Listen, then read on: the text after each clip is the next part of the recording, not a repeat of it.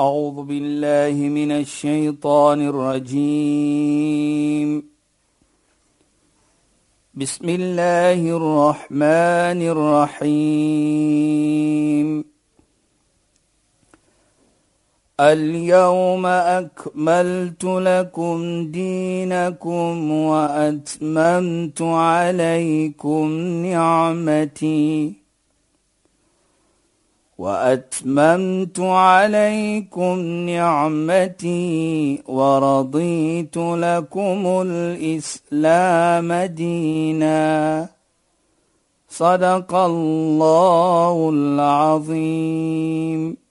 السلام عليكم ورحمة الله وبركاته. خيانات باي فالكم بدي برنامج إسلام فوكس Ek is Shahida Kali en ek gesels met Sheikh Dafir Najjar. Assalamu alaykum Sheikh. Wa alaykum salaam wa rahmatullahi sien nou hoe skryf Sheikh in Arabies en ek dink ek wens ons luisteraars kan na Sheikh se notas kyk. Dis die pragtigste Arabies geskrewe. Regtig, regtig. Ek kyk altyd hoe gemaklik Sheikh is met Sheikh se Arabiese skrif en so aan. Ja. En uh, regtig ek ek bewonder dit want ek self kan nie so pragtig skryf nie. Dit lyk nie so pragtig nie. Nee, regtig, ek dink dit is regtig baie pragtig. jy moet vergat vir 'n oë toets. Maar nou Sheikh, Ja, ons gaan bismillah. ons gaan voort met ons geselsie oor Ja. familie en familieverbintenisse en verhoudings en so aan. Sheikh, ek het 'n paar vrae wat ek in hierdie program graag wil vra. Hmm. Ek wil graag hê Sheikh moet 'n bietjie praat oor. Kyk, ons praat mos oor Wat sê Islam? Ja. Nê. Nee. En ek wil graag hê Sheikh moet net 'n bietjie praat met ons mense wat grade het, mense wat baie geld het, mense wat posisies het, mense wat groot maatskappye het en dan hanteer hulle hulle familie asof hulle niks waarde het nie of Ek het miskien baie geld, my suster het miskien minder geld. Nou kyk ek af op haar of ek praat met haar in 'n sekere manier wat vir haar kan seermaak of ek respekteer nie my ouers meer nie. Ek dink nou ek kan vir hulle hier in gebied en al die besluite maak want ek het die geld. Ja. En net ek wil net hê Sheikh moet graag vir ons 'n bietjie leiding gee in terme van wat sê Islam in sulke Ja, situasies. bismillahirrahmanirrahim. Alhamdulillah wassalatu wassalamu ala rasulih sallallahu alayhi wa ajma'in wa ba'd. Assalamu alaykum wa rahmatullahi ta'ala wa barakatuh. In goeie naam aan ons geëerde en geliefde luisteraars. Shaida in die laaste twee programme sal jy sien ek het nêrens genoem iets soos 'n posisie nie, soos geld nie en jou degrees nie. Vir u nog gevra het die vraag daar. Dit kom nie hierin nie. Wat Ter sprake nie. Ter sprake nie. Mm -hmm. Dit maak nie saak wie jy is nie, Ja. maar jou verantwoordelikheid kom dat jy moet bou Ja. met opregtheid. Ja. Jy moet daardie liefde opbou. Jy weet, kyk net nou byvoorbeeld. Islam noem 'n familie wat hulle sê die rahim. Nou rahim, die womb van 'n moeder staan ook bekend as die rahim. Nou kyk hoe Islam dit aankyk. Dat daardie wat ons sê die die womb van die vrou staan bekend as die rahim en jou familie staan ook bekend as die rahim. En rahma En ek is- kom nou net daarby. Kom, is Allah se naam. Is Allah se naam. Ja. Nou daarvoor wil ek dit noem Saida waar Allah subhanahu wa ta'ala praat. Ana ar-Rahman khalaqtu ar-Rahim. Jy weet jy praat dan so ek moet net daardie gesegde noem wat Allah praat van dit. Ek is Rahman. Nou Rahman bedoel die genadige, die een wat genadig toon. doen. En ek het die Rahim gemaak. Rahim kan ons sê kom van die woord rahma. Ja. Nou sê Allah subhanahu wa ta'ala wa shaqaqtu laha isman min ismi. En ek het uitgehaal wat my naam is Rahman en ek het haar die Rahim gegee die naam Rahim. Met ander woorde die Rahim kom van die woord Rahman Ja. van Allah subhanahu wa ta'ala. Faman wasalaha wasaltu. Die een wat dit opbou ek bou saam met hom soos ons sê 'n relationship of verbintenis. En die een wat hom afsny van sy medemens familie ek sny vir hom af van my. Allah subhanahu wa ta'ala. Nou Jaida baie mense of ek kyk en volgens wat ek dit verstaan is wat. As jy sê jy bou dit op Die wasaltu means jy connect it. Nou wat is 'n koneksie hier? Die koneksie vir my is om die familie se verbintenis te bly hou op 'n mooi manier. En jy bou daarop om 'n familie te bou sodat hulle 'n familie kan wees wat 'n voorbeeld kan wees vir anders. As jy afsny, bedoel dit die afsny vir my jy hanteer jou familie op 'n manier wat Allah nie wil hê jy moet hanteer nie. Jy hanteer nie vir hulle mooi nie. So daar kom dit in dan. Allah subhanahu wa ta'ala kyk nie na jou graad nie. Hy kyk nie na jou posisie nie. Hy kyk nie na jou besigheid nie. Maar hy kyk soos die heilige profeet sê: "Inna Allah la yanzuru ila atsamikum wala ila suwarikum, walakin yanzur ila qulubikum." Waarlik waar sê hy? Allah subhanahu wa ta'ala kyk nie na jou mooiheid nie, jou posisie wat jy het nie, na jou graad wat jy het nie, hoeveel geld jy het nie en so byvoorbeeld soos gesê het, maar hy kyk na jou hart. Dit is die belangrike iets. So as Allah subhanahu wa ta'ala moet gekyk het na jou posisie en na jou geld, dan was dit 'n baie onregverdigheid van Allah van 'n persoon wat nie 'n posisie het en wat nie geld het nie. Hy kyk nie af op dit nie, maar hy kyk na jou hart. So ja, Sayyida. En die probleem sommige tye is lê baie kere aan die ouers wat miskien net praat van die een wat die graad het. Ek het 'n baie slim kind. Ja. Hy is die en hy is dat. Baie waar. Maar hy het miskien 'n graad. Die ander persoon whatever the circumstances is ons sê, het miskien nie dit nie. Nou praat ek nie so baie van hom nie. Nou waar kom dit uit? Nou sien ons dan as ouer ek het nou meer gepraat van daardie persoon en ek het vir hom gegee 'n posisie in my hart wat ek hier aan nie gesien het nie. Is onregverdig. En Islam sien onregverdigheid op 'n baie aglike manier. Wat ek bedoel, dit is haram, is ontoelaatbaar. Een gesegde van Allah subhanahu wat hy praat in 'n hadith al-Qudsi waar hy praat met ons, ja ibadi, haramtu dhulma ala nafsi wal ja'altu bainakum muharrama fala tadhalamu. O my slawe, ek het haram gemaak. Ek het ontoelaatbaar gemaak onregverdigheid teenoor myself. So ek het tussen julle gemaak ook onregverdigheid as ontoelaatbaar. So moet nooit ooit onregverdig wees met mekaar nie. Hy praat dit klaar.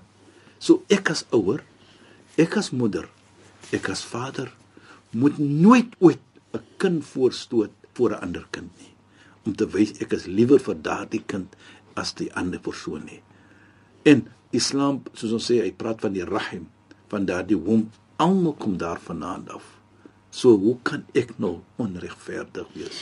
Sheikh praat oor iets baie belangrik Ja. ja. wat ek dink baie keer in families uh, gebeur en ek dink is wonderlik dat Sheikh daaroor praat want dit gee die die geleentheid vir ons as ouers om daaroor te dink. Ek wil ook uh, skets 'n nog 'n scenario uh, Sheikh waar soms maak een kind die ander kind seer. Ja.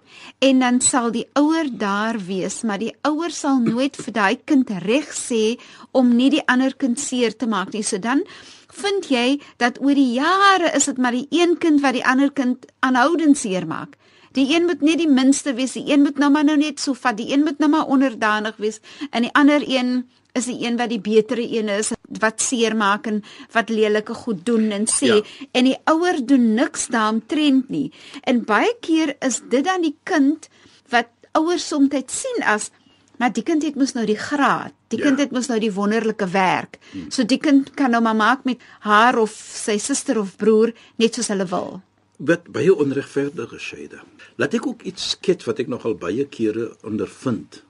Byvoorbeeld in die gemeente. As die kind sag is, die een kind is sag, wat ek bedoel, gee gou in. Nou wat gebeur? Die ander ene hy take this opportunity nou doen na die een enige iets wat verkeerd is teenoor die suster of teenoor die broer.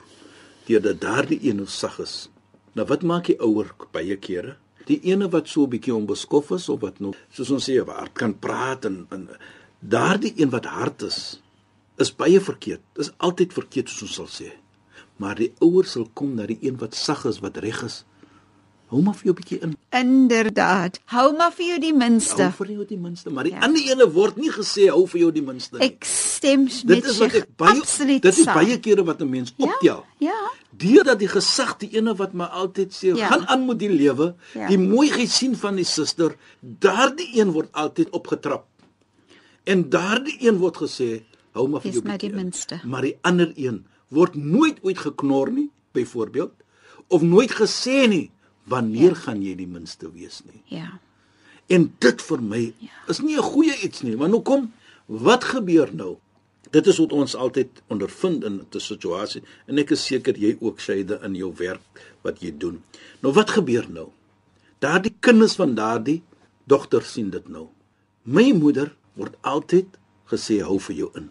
Maar my tante wat baie kere laat ons sê in hierdie geval altyd maar verkeerd is, wat die boelie is, die een wat onbeskof is, word nooit ooit gesê hou vir jou bietjie in nie.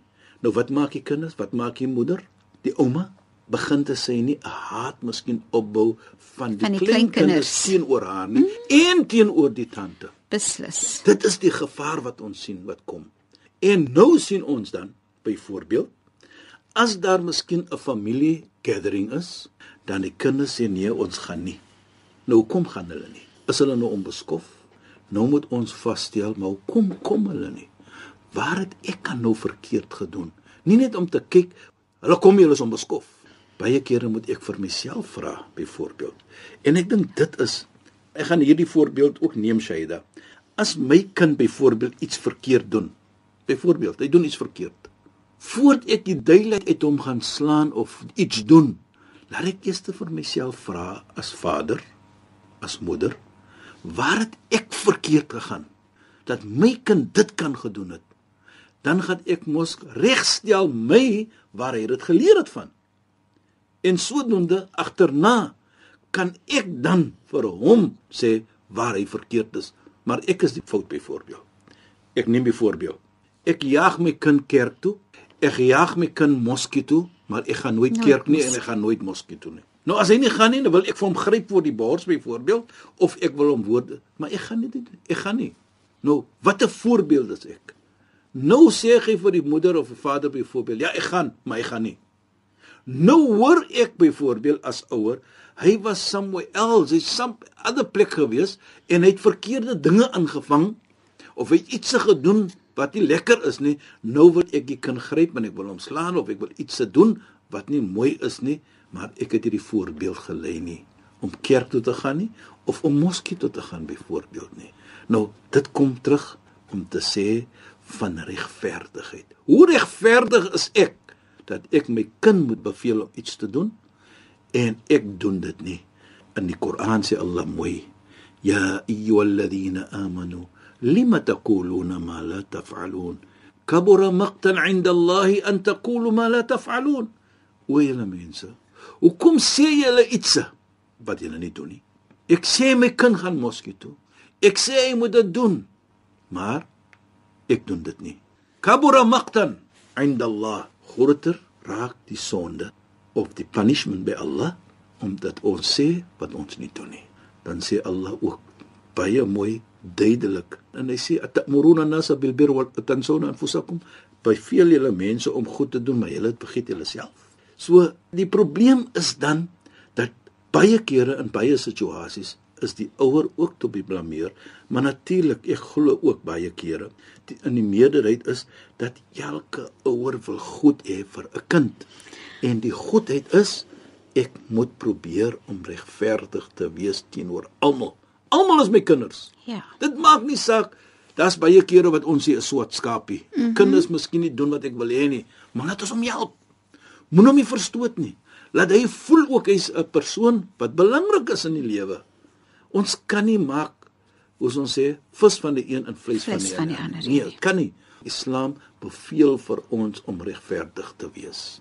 En dit vir my is wat ons familie kan opbou dan Shaida. Die belangrikheid van om familie op te bou, soos Sheikh sê in hierdie geselsie wat Sheikh nou besig is om te hê en, en om ons te herinner en te leer, is regtig baie belangrik want dit is deur 'n pragtige familie kan ons 'n pragtige gemeente hê en en dit net verder opbou dat ons 'n pragtige land gaan hê met mense wat mooi is met mekaar. Ja, Presies, Shaida, jy weet Shaida, kyk byvoorbeeld, u het gevra in die begin van die seun of die dogter wat miskien 'n posisie het, wat geld het, baie goeie besigheid het. Nou ons respek nie die kind nou nie.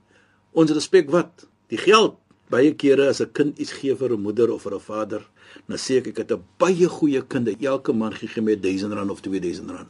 Nee, hy moet dit doen. So die definisie van 'n goeie kind is nie omdat hy 'n degree het moet ek respek daardie nie.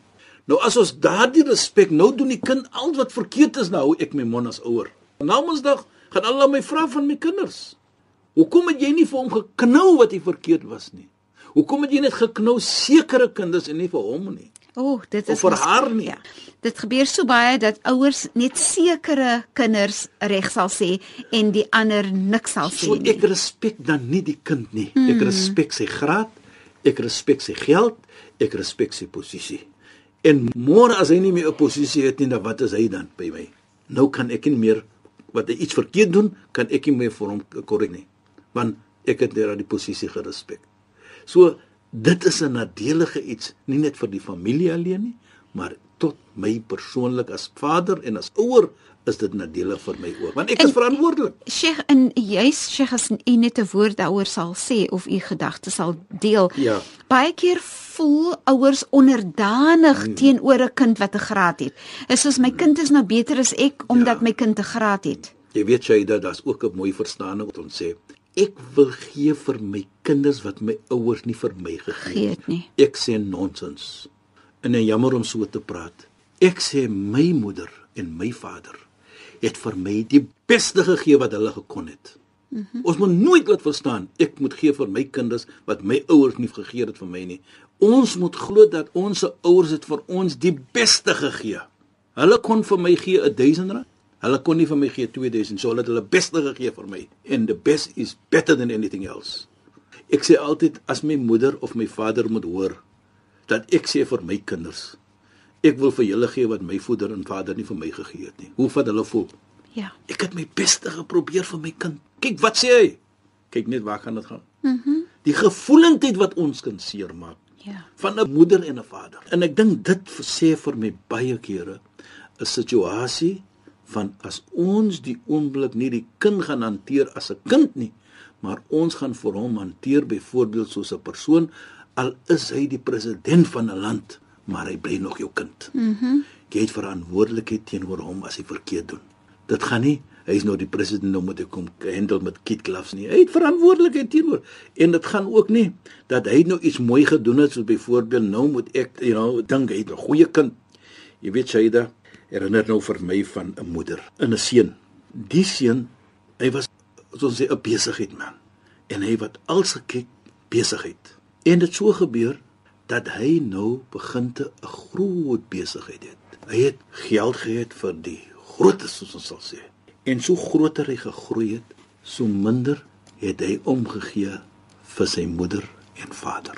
En na jare het sy moeder nie vir hom gesien nie want hy was nou besig. Sheikh, ons kan nie verder praat nie. Hey mense, Ons sal moet wag tot volgende week om daai storie verder te hoor. O, genade, ek gaan nie kan slaap nie. ja. Maar Sheikh, dankie vir die bydrae tot vanaand se program. Ek waardeer dit baie. Shukran en assalamu alaykum. Wa alaykum salaam wa rahmatullahi wa barakatuh en goeienaand aan ons geëerde en geliefde luisteraars. Luisteraars, ons sal moet wag vir daai storie. Die program is volgende week net na die 11 uur nuus op 'n donderdag aand. Die program se naam is Islam in Fokus. Ek is Shahida Kali en ek het gesels met Sheikh Dafir Najjar. Assalamu alaykum wa rahmatullahi wa barakatuh. In goeienaand. Julle moet mooi bly. أعوذ بالله من الشيطان الرجيم بسم الله الرحمن الرحيم. اليوم أكملت لكم دينكم وأتممت عليكم نعمتي وأتممت عليكم نعمتي ورضيت لكم الإسلام دينا. صدق الله العظيم.